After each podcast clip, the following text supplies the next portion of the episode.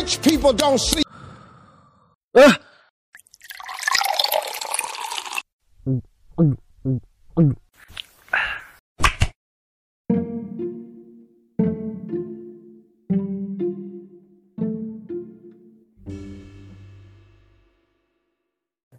Guanya kalau nggak motong gua kagak ngomong. nggak masuk ya Heeh, iya.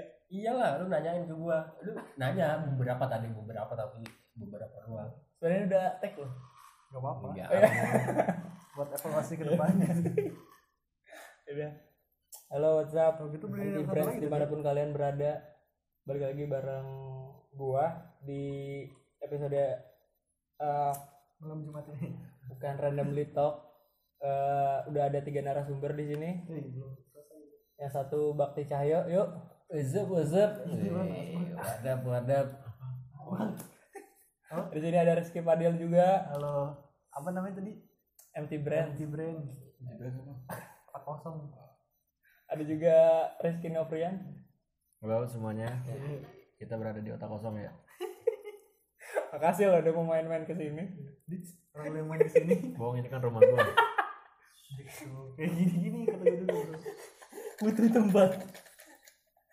Ngajakin kosan. eh buat buat notis sama gua gitu. Yaudah ayo deh kapan? Ya, besok iya deh. Cariin tempat dong doakan semoga Deki punya studio sendiri Amin. Amin. Amin. Amin. Makasih semuanya loh. Udah ngehina nih. Ya, nah, pembahasan kali ini seputar musik di Indonesia karena eh, tema dari podcast Otak Kosong sendiri untuk menciptakan kecintaan terhadap negara kesatuan Republik Indonesia. Wih, gila nggak? Enggak sih biasa Biasa aja aja. Biasa biasa aja. Kosong aja nih otak lu. Goi. terang. Oh ya. Eh, mulai dari pendapat lu dulu, eh, Bakti. Eh, gimana sih? Siapa dulu? Eh, Bakti. Eh, udah Bakti cewek dulu dah. Eh, menurut lu musik Indonesia tuh kayak gimana sih? Sebenarnya harusnya pertanyaan ini buat si Rizky Novrian. Wah, pecinta indie. Dari Biasa SMA. aja, biasa aja. Dia eh for your information, wah, paling teduh sebelum kalian tahu itu dia udah tahu duluan. Wah. Jadi kalian yang sok-sok ngefans gitu, dia udah lebih duluan suka, tapi dia diem-diem aja nggak kalian yang suka. Oh, jadi posisinya Sebar-sebar. Rizky Novrian ini sebagai expert ya di bidang musik. Deket bro Enggak, enggak biasa aja. Iya. Gimana pendapat lu anjir? Tadi gua minta pendapat lu kok jadi lu mau komentarin sih? Iya, dia Allah? dulu aja pendapatnya gimana pendapat Ayo, tentang apa nih musik musik musik zaman Indonesia, sekarang musik Indonesia. Eh, lihat dari circle-nya gimana gitu. dulu Lihat dari environment-nya, crowd-nya di sekitar kita terus eh, pemasaran lah masalah finance kan lu Anak-anak. lu anaknya finance ini bukan ya? Ada sih tapi Kayak gua- ada sedikit lah ya. ya, Maksudnya bahasa. gimana narik pasarnya gitu lah gitu. Coba lu dulu dong. Gua dulu. Iyalah, menurut pendapat lu musik Indonesia kayak itu kayak gimana? Sekarang apa gimana? Kayak sekarang lu pengaruhnya dari dulu juga boleh. Bebas lah. Kalau menurut gua sih sekarang karena mungkin udah tahu mungkin ya eh, musik itu sekarang udah polarisasi gitu ya. Ada dua gitu, ada dua jenis, ada yang dari independen sama Iya. yang di didukung sama label-label besar gitu. Mungkin bukan dari genre sih, tapi cara metode mereka memasarkan musik ya ada yang independen sama yang dipromosikan sama label besar gitu. Cuman mungkin eh, untuk kalangan anak muda lebih banyak buat ngedengerin yang independen.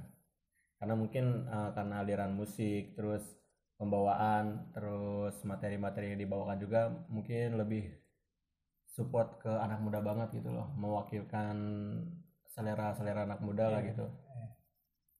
Oh, gue potong bentar kayak ini. Eh, sebenarnya musik indie itu dari dulu ya kayak tapi mungkin sekarang hype. lagi boomingnya gara-gara gimana ya?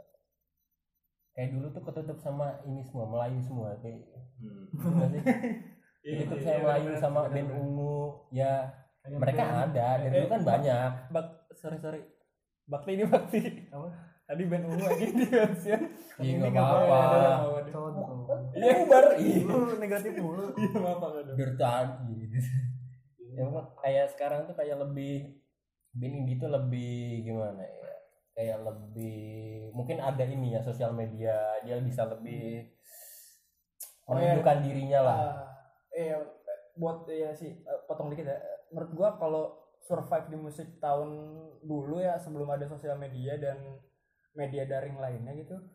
Eh, susah banget buat masuk dan terkenal gitu ya. Dapat dapat penonton dan dapat pasar tuh susah banget. Tapi karena ada sosial media dan sebagainya menurut gua bisa narik pasar tuh udah ya kebantu sosial media sih Iya, tapi dari masalah itu. zaman sekarang juga kayak lebih enak sih kayak lu punya selera banyak pilihan. Nggak kayak dulu kan Melayu semua ya udah. Lu nggak tahu band-band yang lain gitu. YouTube belum terkenal lu dengerin musik dari mana gitu. Download di Staffa Band gitu. Kan nggak ada band-band indie gitu adanya band Melayu doang. Apalagi kan YouTube sih sekarang lagi gencar-gencarnya kan. Hmm. orang bisa apa aja tuh kan upload ke YouTube. Sebenarnya gue banyak tahu band ini juga dari YouTube misalkan gue lagi denger lagu apa tiba-tiba ada apa sih oh di bawahnya Iya. gitu iya iya iya iya disarankan dengan ini gue iseng denger ya dapet tuh Hmm. ternyata enak juga lagu Hmm. selama ini kan kita pasti eh, rata-rata kebanyakan yang ngedengerin band luar gitu kan Iya. yang lagi Ah, Keren lah. iya, iya, ya kayak Spotify juga sekarang band indie semua kan banyak masuk Tapi kalau, cuman Eh, gue potong dikit eh, gua kalau mau nyari band-band indie itu lebih ke aplikasi SoundCloud. Gitu kalau SoundCloud tuh kayaknya pasarnya indie banget gitu semuanya Eh, ya, ya secara kita kalau bikin musik terus taruh di situ juga lebih gampang kan daripada Spotify. Jadi ya menurut gua em, adanya band indie juga jadi warna baru buat Indonesia gitu. Secara kualitas musik secara materi-materi yang disajikan juga lebih bervariatif gitu. Terus gue pengen nanya ke lu eh, lagu yang lagi lu dengerin sekarang tuh apa sih?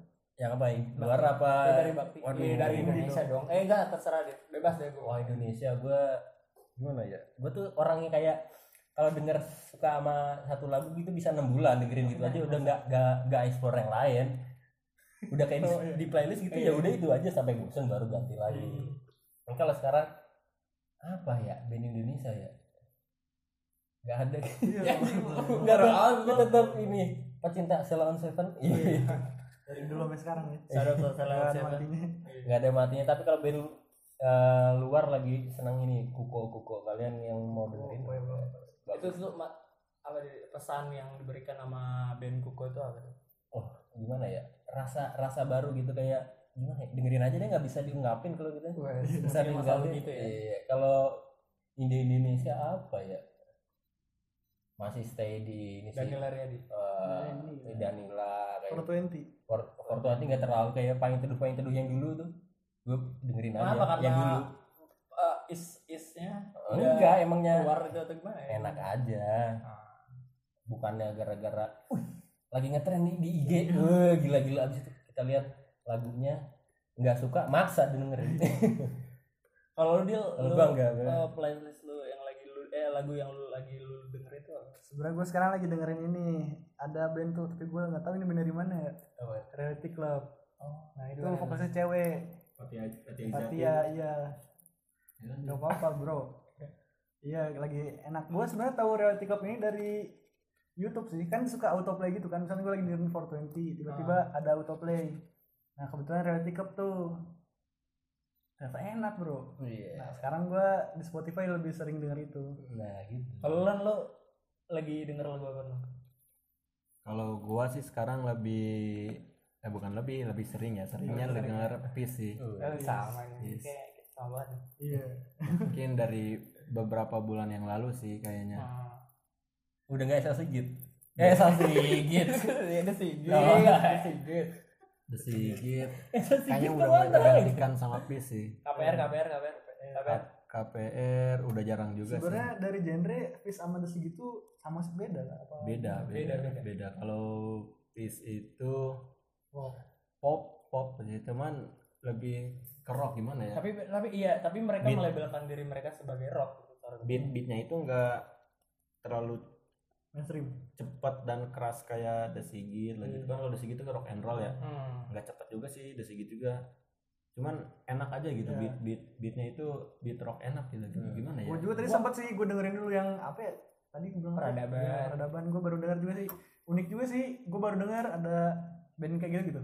Gua gua menurut gua Fish itu eksperimental banget secara kalau ngelihat dari bridge ya bridge bridge bridge-nya kayak nyantol banget gitu. Gua ngedengarnya tuh kayak ini orang wah. Jadi kayak kalau bis kalau gua ulang-ulang setiap hari juga tetap tetap bisa gua rasain pesan yang dia kasih di Iya. liriknya gitu. Gua kalau secara musik sih lebih ke lirik daripada ini kok jadi gua ngeliat Fish eh, eh, gua suka tentang sosial politik dan segala apa yang disampaikan di dalam liriknya itu gue suka gitu. Makanya gue ya gue gua lagi ulang-ulang banget lagu, dengerin lagu itu lagu Fish ya dari peradaban terus kami belum tahu ya.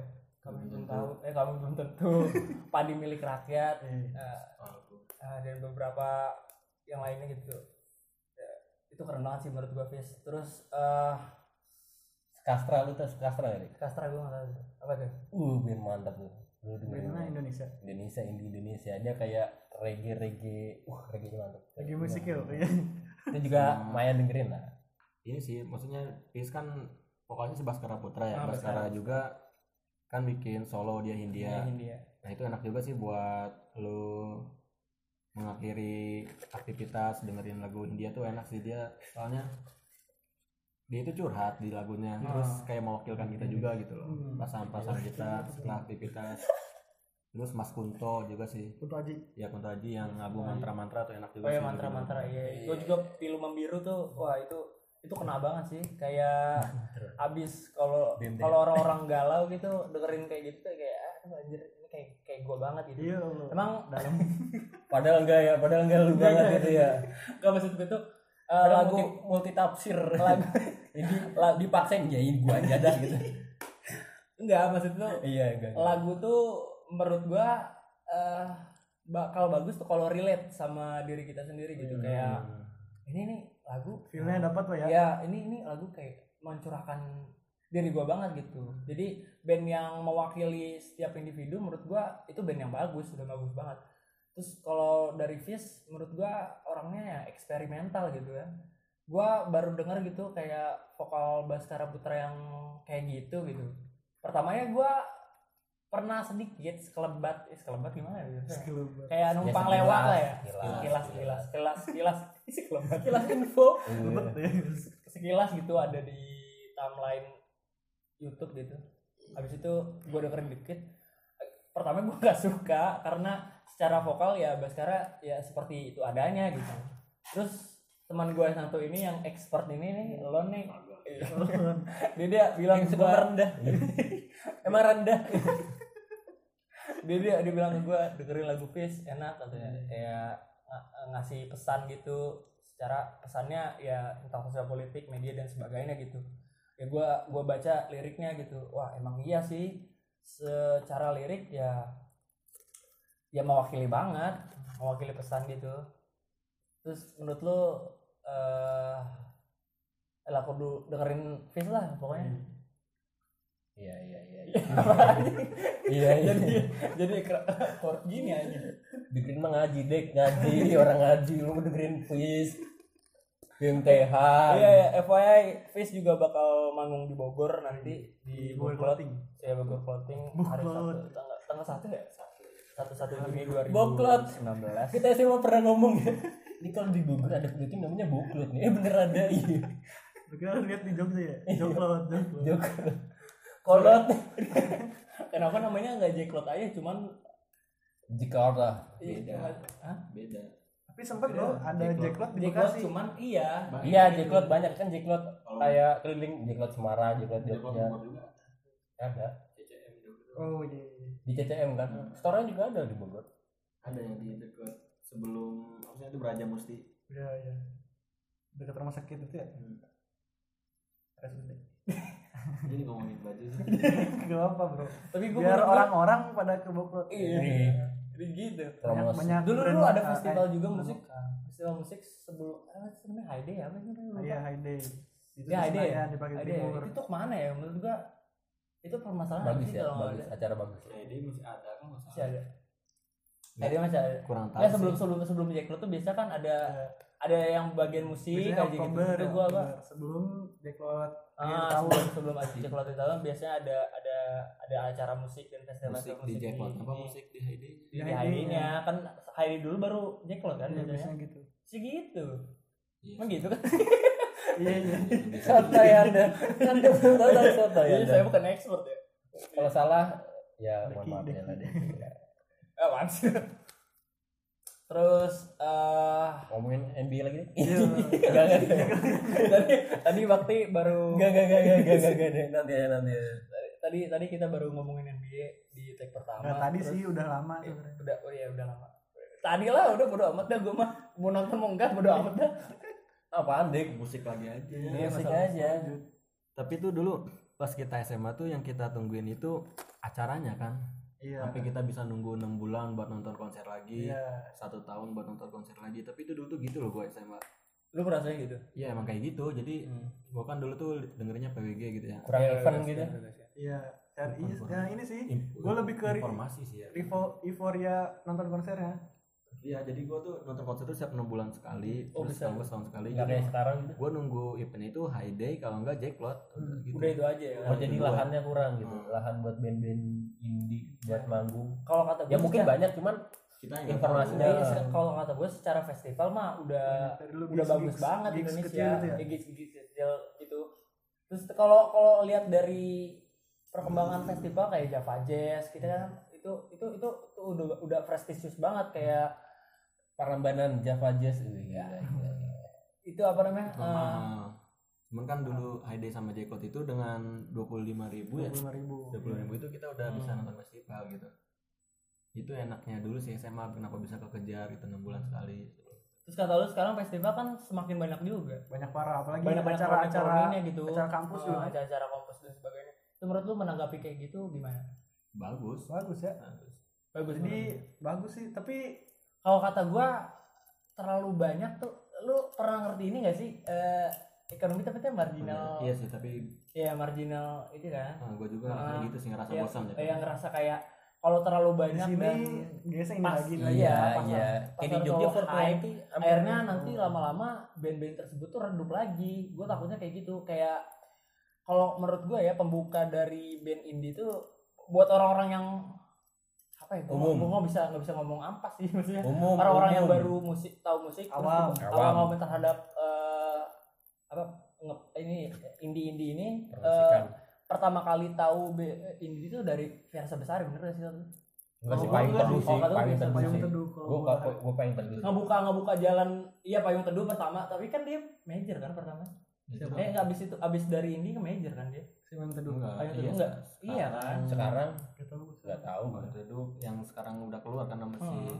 ya kurang tahu deh gua tapi kalau kata gue yang ngebuka banget tuh Versa Besari soalnya dari enggak juga sih dari- Enggak, mau mungkin Justru- Firsa Besar ini yang suka buku. Iya, Ya. kalau dari buku kan ya. Oh, dari nah gue sebenarnya enggak, dari, pun dari, dari dari, dari, dari musik abis itu baru dibikin suatu Oh. buku ya tapi kalau gua sih 2017 kan dari payung teduh dulu sih. Oh, Lu dari dari Payung Teduh dulu. Orang-orang eh gua nanya-nanya ke kayak orang-orang awam ya kayak cewek-cewek yang gitu. Sekarang. Iya iya iya, sekarang yang Sekarang ngebukanya mah kalau- iya maksud gue sekarang tuh pasti yang ngebukanya Versa Besari dari lagunya ya apa sih ini? Waktu yang salah. sama Ya. ya itu. Yang salah tuh paling Eh, ya. sampai dia juga bosan kan ngebawainnya. Yang yang gua banget gitu ya. gue semua merasa cewek gitu kayak kayak pengen punya pacar. gue merasa Besar kasihan gitu. loh sama Versa Besari tiap-tiap kota tuh ngasihnya ya mintanya waktu yang salah ya terus jadi kayak, kayak bosan gitu kan. Sama kayak, kayak nggak bisa eksperimen musik baru dia kayaknya Ya, buat musik folk ya, ya emang, dia yang mungkin buka ya. emang karakter dia kayak gitu sih. Jadi makanya mungkin lagu-lagu dia kayak gitu kan. Iya cuman Maksudnya? iya sih. Emang udah pembawaannya Iya. gitu. Udah dia genrenya tahun folk kan? Ya. Folk kan? Apa ya kalau gua bilang pop folknya nggak sepop paling teduh sama Hmm. akustik yang lain-lain gitu yang Hmm. benar-benar 420. yang akustiknya tuh main banget ya biasa aja dia jering-jering jering biasa aja ya. Ah, bukan petikannya nggak terlalu tinggi banget sih menurut gua tapi menurut lu Kayak Melayu nggak sih? kenapa Fiersa ah, Nadanya kayak Melayu coba gitu. itu. menurut pendapat lu kenapa Fiersa besar kayak Melayu Enggak sih kayak lirik- lirik-liriknya aja. Lagu cinta Tapi gue percaya sih Kan kalau cinta kalau lagu- lagu-lagu lagu gue efek makanan Iya tahu, makanya kayak lagu cinta Ah. melulu gitu. Lirik-lirik eh siapa, lirik-lirik Faisal Besar itu gue percaya waktu itu pernah ada kayak, kayak apa ya eh, wawancara Ispen kedua tentang pembuatan lagu gitu dia pernah ya Mas Is. Sadat for Mas Is gitu. Mas Is pernah bilang gitu katanya. Pernah ketemu. Siapa yang pernah ketemu? kita lagi nyapa. Kita yang beri Firman lagi nongkrong di apa? Braga, jalan, lagi beraga dia jalan dengan santainya gitu dipanggil dipanggil langsung buang muka. Mas Is yang manggil di Braga itu namanya Rizky. Enggak, menurut kata Mas Is eh, dalam pembuatan lagu tuh ya lirik tuh emang senjata awal ya apa namanya? Peluru peluru ya. Hmm. peluru terus katanya eh, mau liriknya lucu mau liriknya apa yang penting kena di feelnya orang-orang Ya, itu. ya. itu lagunya udah bagus. Kebanyakan bisa besar kena sih. Ah, cewek-cewek kena, kena pastilah. kena kayak Ya, karena unik unik beda dari yang lain. Emang kalau udah beda tuh pasarnya tuh pasti ada kan? Kalau Hmm. jadi jadi orang tuh emang kalau mau bikin band musik ya harus beda. Kayak Fish gitu Fish juga. Eh dia Fish lagi ya. Fish ada terus gua. Lagi seneng Fis Iya. Serius pokoknya aja terus lu. Besok aja lu. Wah. Besok nih lari ya Hmm, nggak tahu terserah lu lah. bebas hidup hidup lu ngapain gue yang ngatur? Nggak kayak orang yang itu tuh ngomentarin hidup orang. Kenapa? Nggak ngatur ngatur pilihan orang. Ya ada lah orang-orang oknum. Oknum oknum yang lu jangan mention nama lu kayak tadi. Enggak. Siapa mention siapa? Lu suka mention nama kalau ngomongin apa enggak enggak.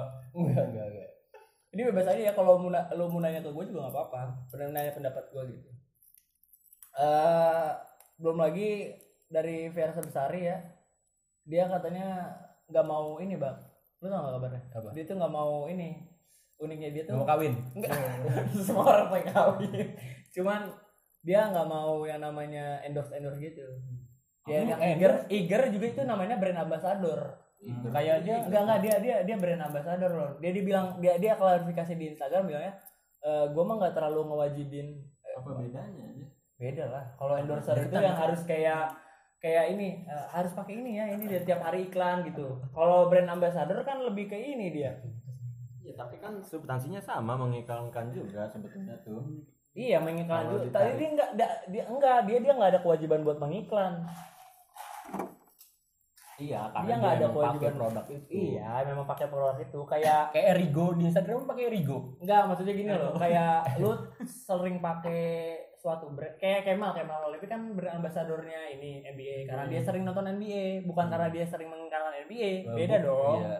Coba Endorse sama brand Iya. ambasador. Hmm, Iya dong. Hmm. Iya nggak? iya tapi secara substansi sama mengiklankan juga ujung-ujungnya tuh. Iya, mengiklan juga, cuman pasar pizza besar itu lagi rame wajar aja kalau Eger mau mengambasadorkan si pizza besari tuh. Wih, statement. Tapi kalau kata menurut gua eh menurut gua mah tetap beda soalnya dia kan emang udah awal pakai dan ma- dan nggak terlalu dipaksain buat mengiklankan eh, produk tersebut gitu. Cuman ya pakai aja sama kayak Kemal Palevi mau nonton NBA mau nonton apa iya bukan iklan mungkin publisitas lah gitu. Ya bahasanya terkecil lah lu publish emang kenapa dek alasannya? Hah? alasannya? Nggak mau gitu? Nggak tahu deh gua. Gua bukan temen besar besar kampret kenalan dah. Lu lu DM ya nanti nanti nanti kayak ini lagi. Bang Is. Iya. kenapa? Mas Is. Mempalingkan muka. Ah lu nge-DM cewek agak pernah dibalas. Lu pengen nge-DM besar besar ya gue pernah dibahas sama polisi yang cakep. Iya iya. Iya. Eh jadi mention orang sih. Ya, eh ini masa musik lagi dong tanya. Tanya ke gua kek, lu jangan inilah bosan-bosan amat. Ya, kayak kayaknya lu ini ya dek seneng banget ganti-ganti Hah? musik gitu lu kayak seneng banget Oh iya iya, Ah, musik musik musik gua ya. Musik gua teh pokoknya dari lirik kayak kalau gua liriknya suka dan ngerti pasti pasti gua suka band itu kayak kemarin gua sukanya amigdala amigdala Fajar amigdala juga bagus kan Amigdala bagus.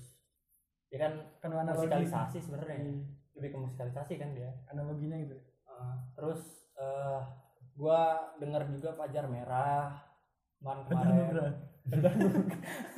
Ada Nugros Nugrok yang Nugrok cok. Yang stand up film. Stand up ini itu mah. Fajar Pradara Pradara jatuh anjing. Fajar Merah Fajar Merah gue nonton. Terus eh, sebelumnya juga Bandanera. Bandar. kayak apa ya puisi-puisi Kairil Anwar yang derai-derai cemara diangkat lagi sama dia. Dia itu kan kayak ngebawa kita buat suka sama buku. Ya gue pengen nanya ke kalian nih eh, dengan adanya Ah, eh, tren indie nah. bisa dibilang apa ya indiisme ya? Udah kayak udah aja ajarannya. Kayak harus kalau isme kan ajaran tuh identiknya. Kayak kalau lu eh, pecinta indie lu dengerin musik indie eh, terus. Baca buku minum kopi Ah, eh, itu, suka iya. sore. Ah, pakai tote bag. Kurang indie kalau kurang. Gua mau jual tote bag ntar. ini. Iya iklan promosi. Boleh iklan buru Iya nanti. Nah, belum terlaksana. Ini dimajuin nih mundur lagi. Nah kalau lu kenapa sih kayaknya nggak ada selek sama mic ini? ya lu majuan apa? Aku gue. Si Deki nggak bau nah Iya, lu menanggapi fe- fenomena indiisme ini Wah, gimana ya Gimana menurut lu? ya, ya bebas aja terserah mau orang mau suka nanti kayak Jokowi ya ya Iya. Jokowi. Nggak berbakat berbakat jadi Jokowi. presiden Salim Jangan dong. menurut gue sih eh, itu pilihan pribadi orang sih Hmm, mau iya. Suka indie bergaya anak indie kan Tapi lu benci gak sih kalau mereka misalnya suka indie tuh? Ya karena tren aja, tiba-tiba pas udah trennya udah redup kayak zaman-zamannya boy band. itu biasa Iya, ada biasa. Itu tuh lu kesel gak? enggak sih gue Enggak, bisa. Eh lu ngurusin hidup orang lah ya? iya gue gak ngurusin hidup orang itu kan eh, semua orang punya hak masing-masing lah Hmm. mau dia milih mau jadi anak indie sesaat tergantung tren Hmm.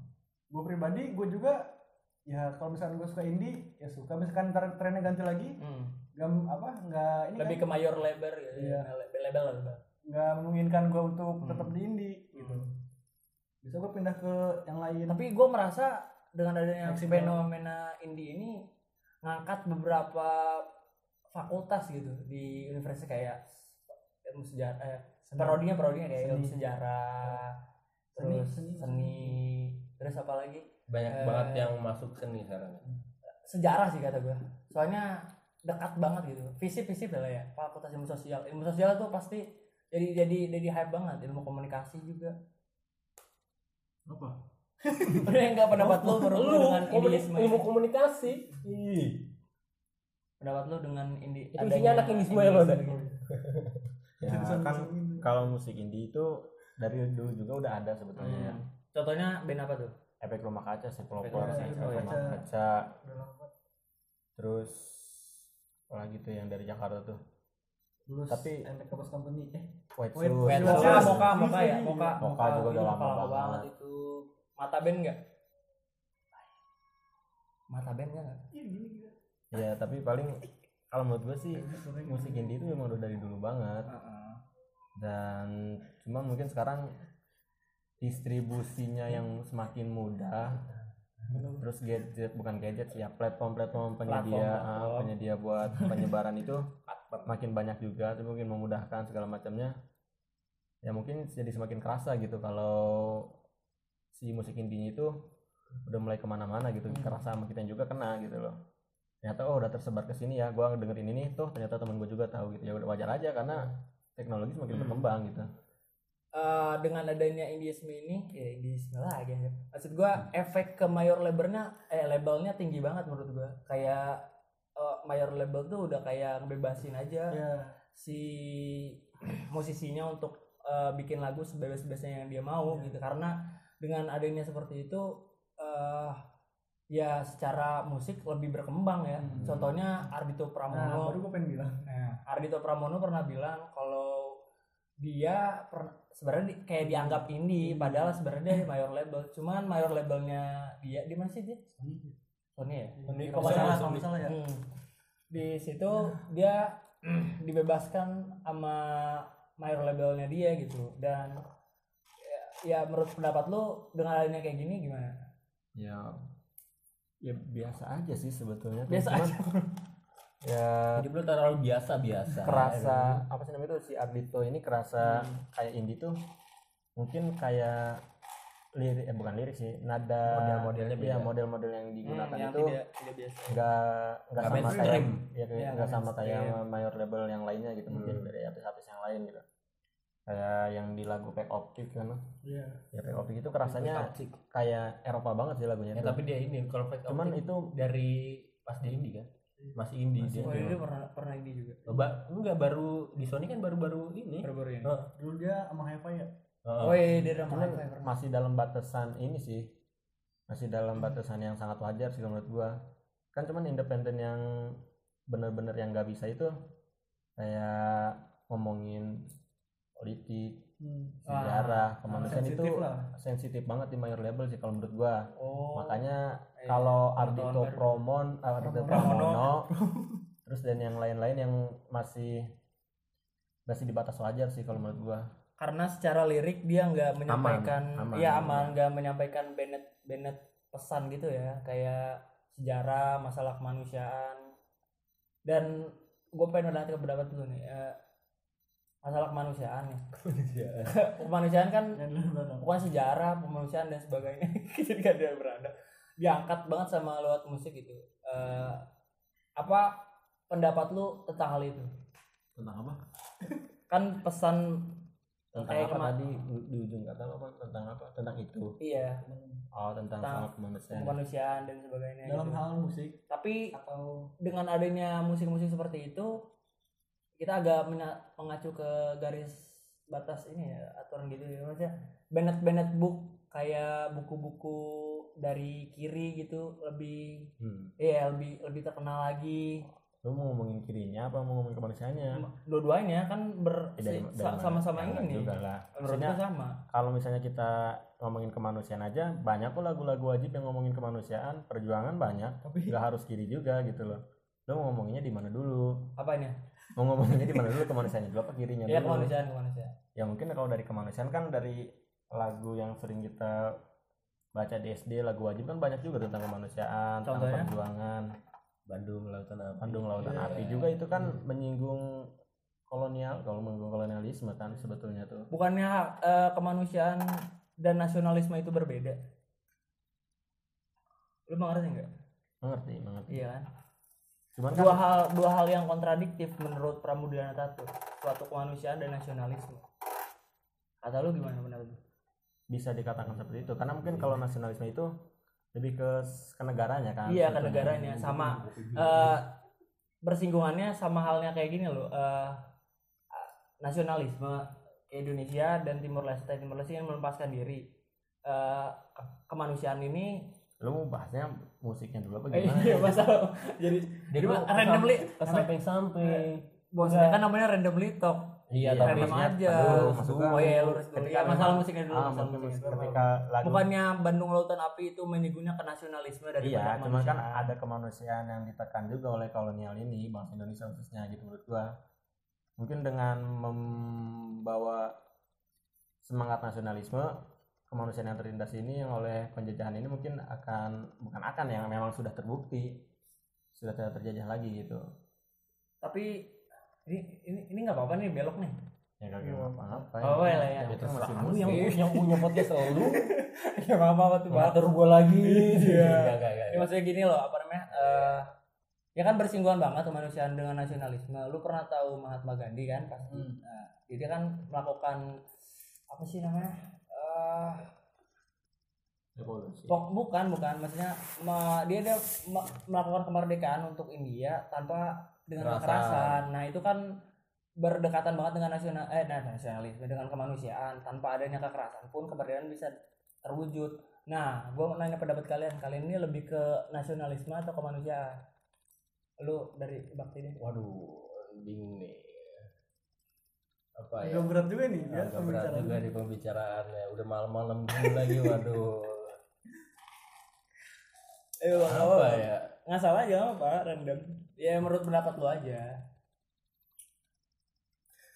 Anjir kali jadi diam-diam sama diam dulu gua. Kalau lu dari apa ya? dari expert dulu ya. Expert dulu lah. ya maksudnya udah lebih ke kemanusiaan atau nasionalisme?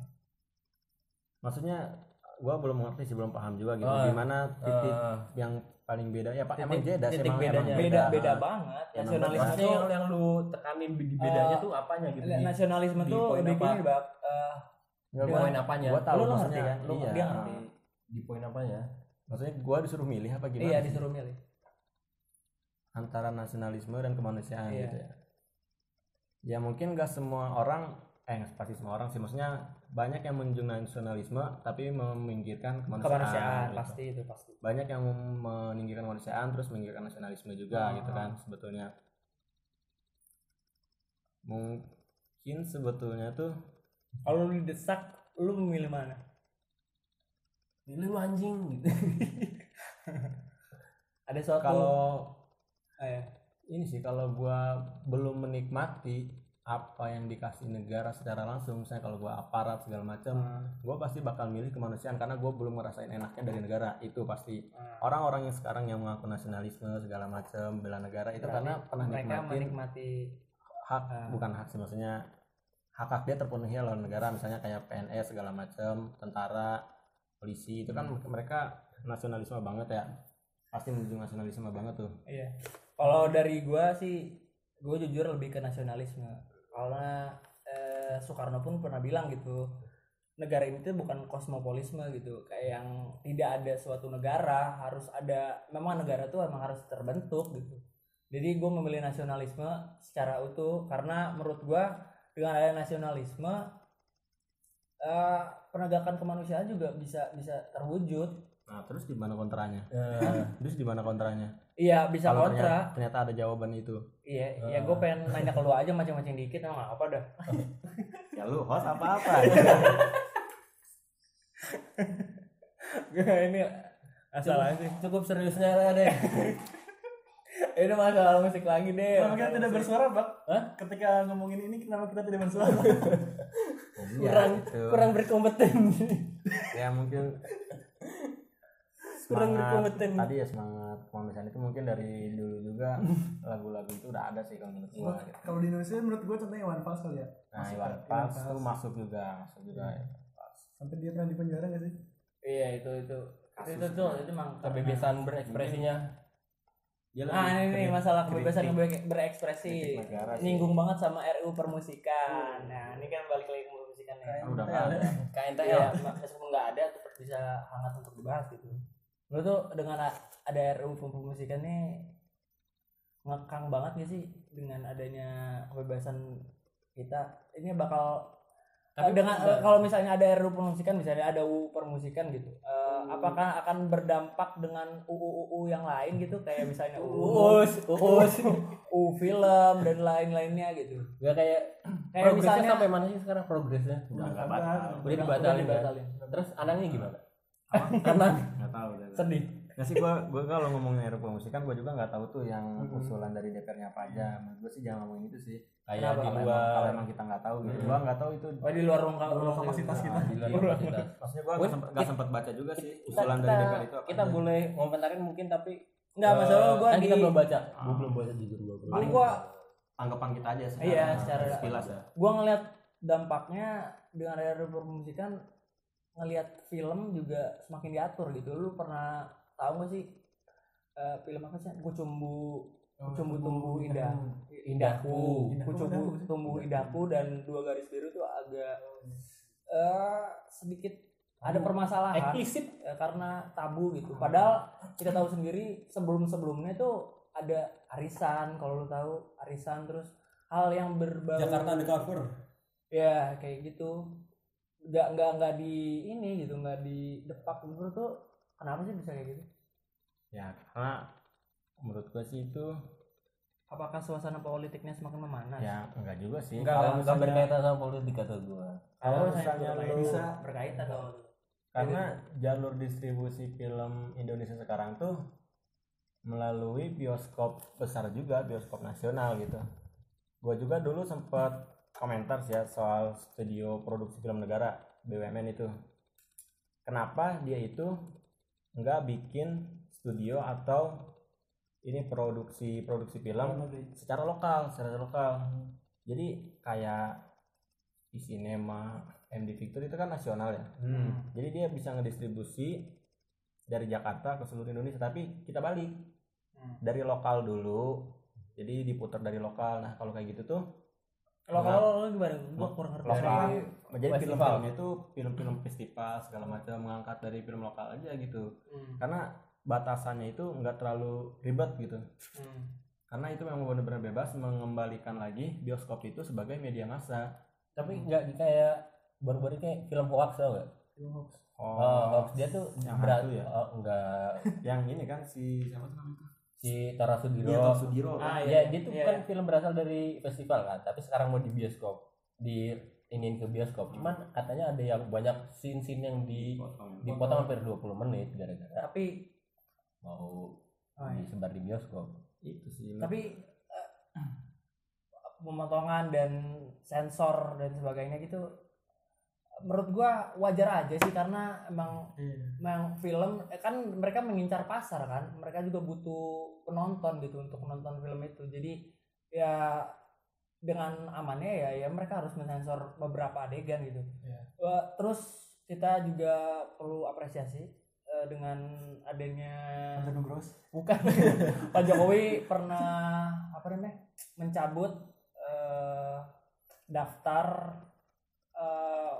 apa sih? Film. Film bukan film apa sih? Apa ya? Studio ya? Studio dari investasi investasi negatif. Nah menurut lu pendapat lu itu gimana? Dikasih yang yang mana dulu? Yang gimana yang ini apa namanya kalau ini kan studio film studio film. Dicabut dari eh, investasi negatif. Ah. nah itu kan berdampaknya jadi setiap daerah tuh punya ini eh studionya di daerahnya masing-masing gitu. Kayak di Papua sekarang udah ada Ya, gitu di, di daerah gitu. ya ya menurut pendapat lu kayak gitu bagus kan sih? Ya, pasti bagus sih maksud lu. Ya, emang bagus. Emang harus kayak gitu ya, emang harus kayak gitu. Maksudnya lu pernah nonton film Marlina nggak hmm. Arlina sih itu kan. Ah, Marlina. Ya, ya. menurut lu apa yang jelek dari Marlina? Yang jelek dari Marlina? Eh penontonnya kurang kali. Bukan bukan penonton. Penonton. Tapi- penontonnya tapi- kurang.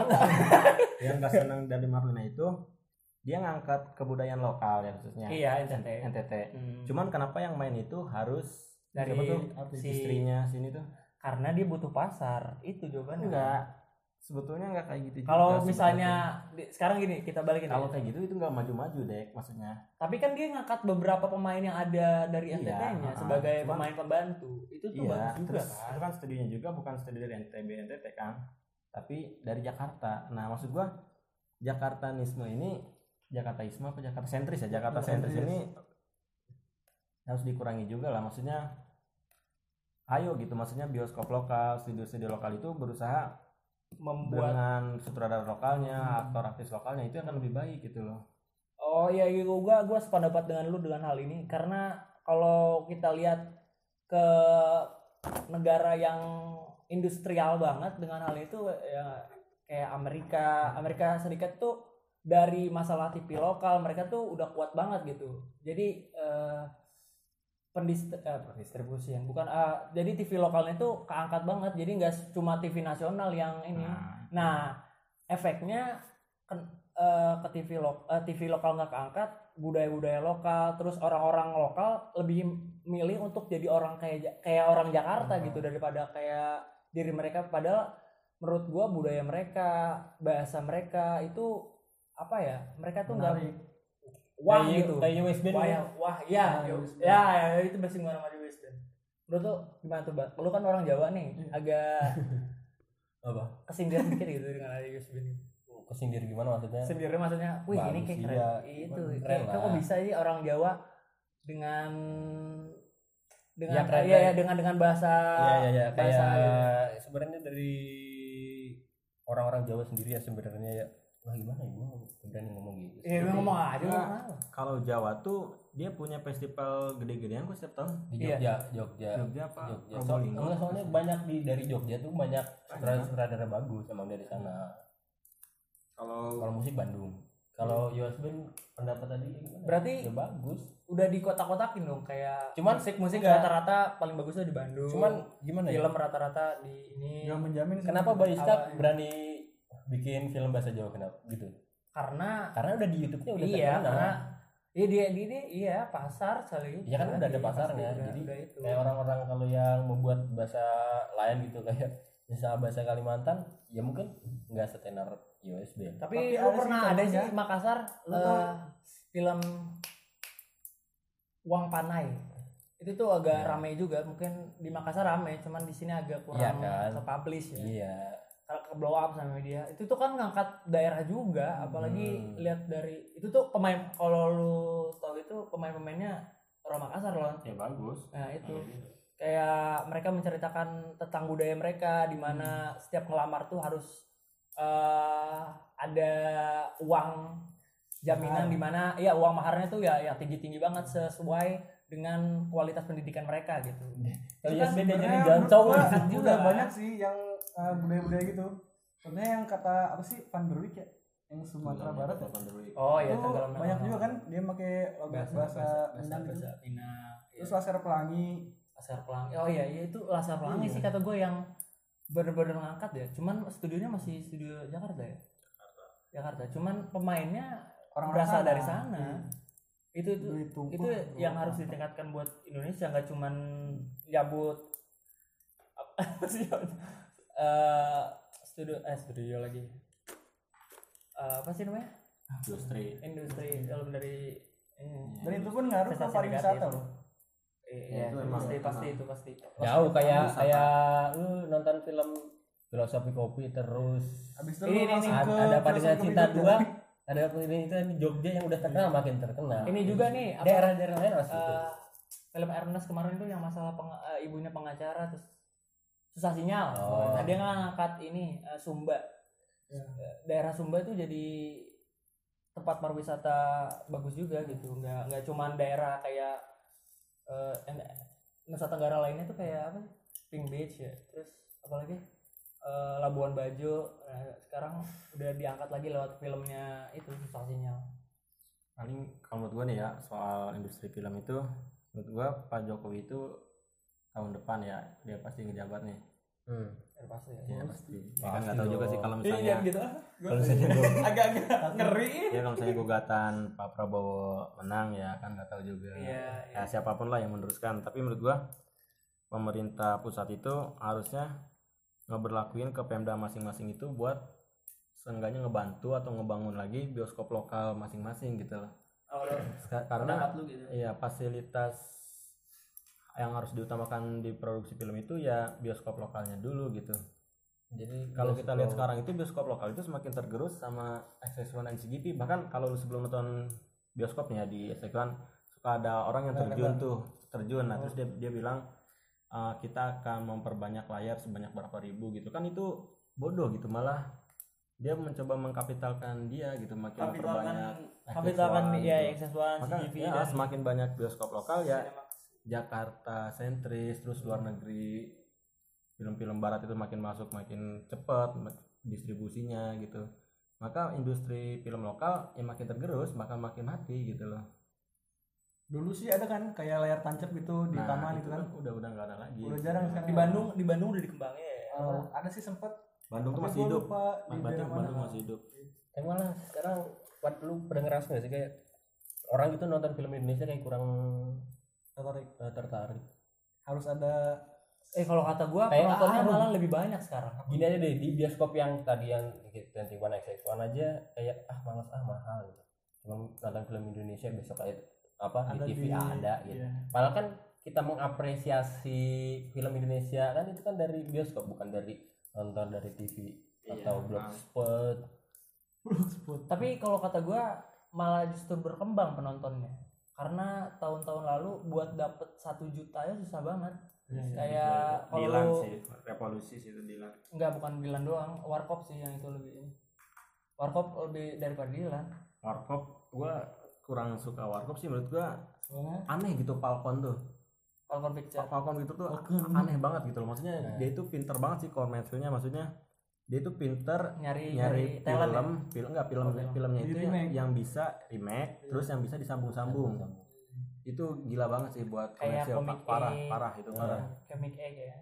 iya balik lagi ke Bener. duit gimana ya gila Iya kurang lah. senang sama Pak Bang Balik Isi rata-rata dia remake ya. Pengabdi setan kan. Ini Pengabdi tahun setan Bukan, Iya, bukan. ini Pengabdi setan tuh Apa ya? apa sih Joko Anwar sih lupa gua Soalnya Joko Anwar bagus deh gua. Joko Gua Anwar suka banget lah. tapi sekarang mbak film Sekarang lagi ada ada Gundala, naik ya? Gundala. lumayan Ih, naik kata gua. Iya, Buat naik. masuk ke satu juta tuh susah banget film. Kayak dulu dulu. tuh stuck di ini tau gak lu?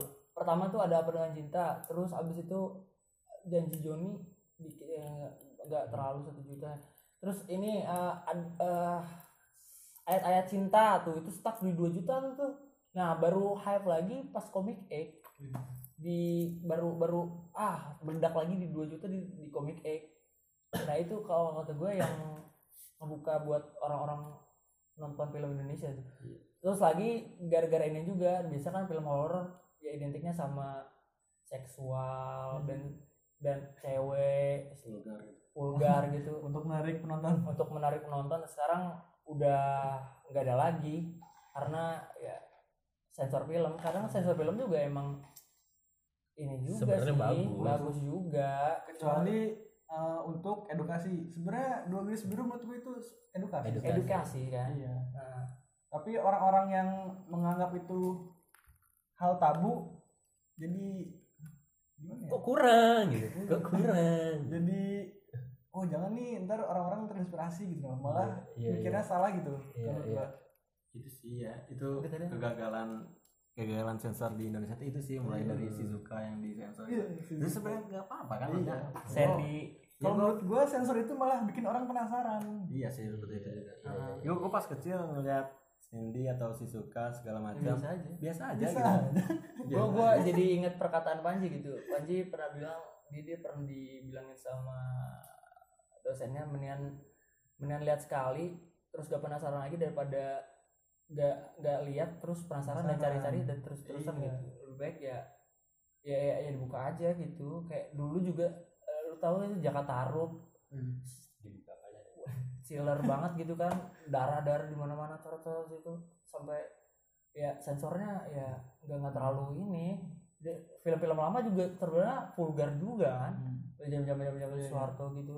Ya harusnya sebenarnya kalau di bioskop nggak usah disensor sih ya langsung ya Kalau- udah. kalau- Karena ada Oh, batasan karena ada seharusnya. usia. Tapi kalau di TV oke lah disensor Cuman Oh, mungkin kebanyakan kalau kata- penontonnya bro. Penontonnya misalkan ada batasan film ini batasan U18 tapi dia malah bawa anak. kurang ketat. Iya kurang Hmm. ketat dalam menyeleksi penontonnya gitu.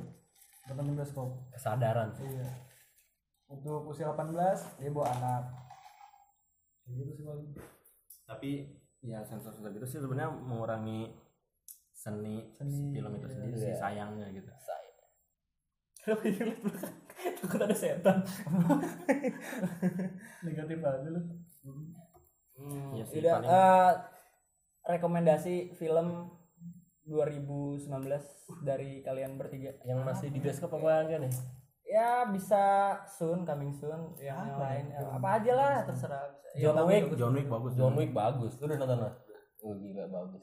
John Wick 3 sama ini sama ini The- Indonesia doang lah. Oh Indonesia oh sih doang. filmnya Radit. Ini nih single 2 ya film orang satu ya ya udah. Itu tapi selera sih itu garis biru sama kucumbu tubuh gitu itu tuh jumbo dulu udah udah udah nggak ada lagi ya? Udah nggak ada lagi ya udah udah nggak ada lagi itu. Kayaknya emang Terus enggak enggak udah nggak ada nggak ada di, di, ditekan ya? ya di take down take down. Apa? Gua gua tadi lu gua ngomong apa ada apa? dua garis biru tuh. Gua gundala sih. Oh, wah gua gua nunggu. Iya belum. Cuma kan kan kata gue yang coming Recommend. soon atau recommended.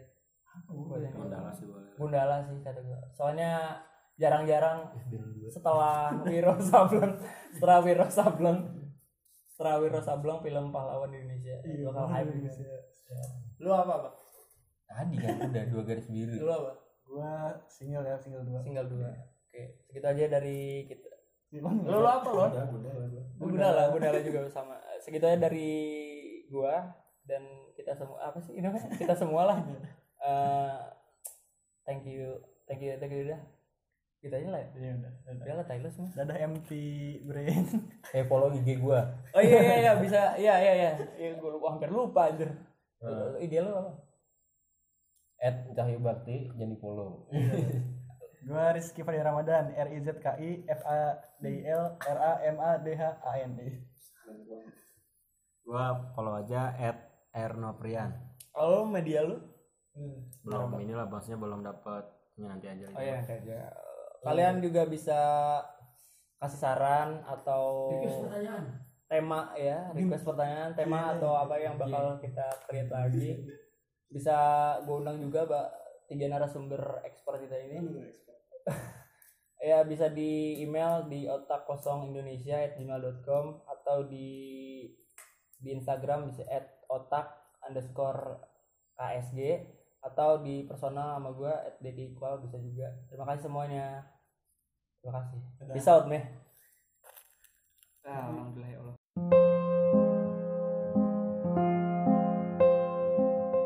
Dengan atau tanpanya kau masih sulit melihat terang dirimu. Berulang kali darimu lihat garis tangan yang buatmu setiap hari.